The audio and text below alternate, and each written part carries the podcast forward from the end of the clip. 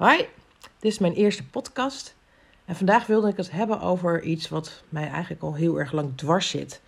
En dat is ehm, het negatieve dat er hangt rond het hebben van een kind met autisme.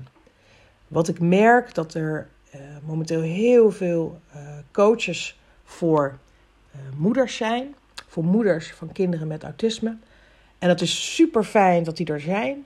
Alleen um, waar ik me, uh, nou ja, misschien wel een beetje aan erger, is dat er altijd zo negatief wordt gedaan over het hebben van een kind met autisme.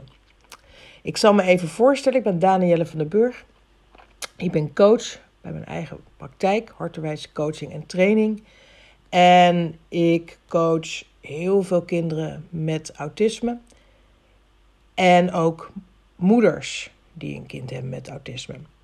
Ik ben zelf ook moeder met een kind met autisme, dus ik heb er heel veel ervaring mee. Mijn kind is inmiddels bijna 13, dus ik weet waar ik het over heb. En um, tuurlijk is het hebben van een kind met autisme niet altijd heel erg prettig. Er zijn um, nou ja, dingen binnen het gezin die echt wel anders gaan dan in, um, nou ja, dus aanhalingstekens normale gezinnen. En toch zie ik het zelf niet als zwaar. Want mijn zoon met autisme brengt mij ook hele mooie dingen. En zorgt ervoor dat wij als gezin anders naar het leven zijn gaan kijken. En dat we meer oog bijvoorbeeld hebben voor de kleine dingen om ons heen. Um, en dat we ook buiten, bijvoorbeeld als we buiten lopen, dat we meer zien door onze zoon, omdat hij op ons, ons op hele andere dingen wijst. En um, en is het dan altijd makkelijk? Nee, dat is het zeker niet. Maar ik zie het niet als zwaar.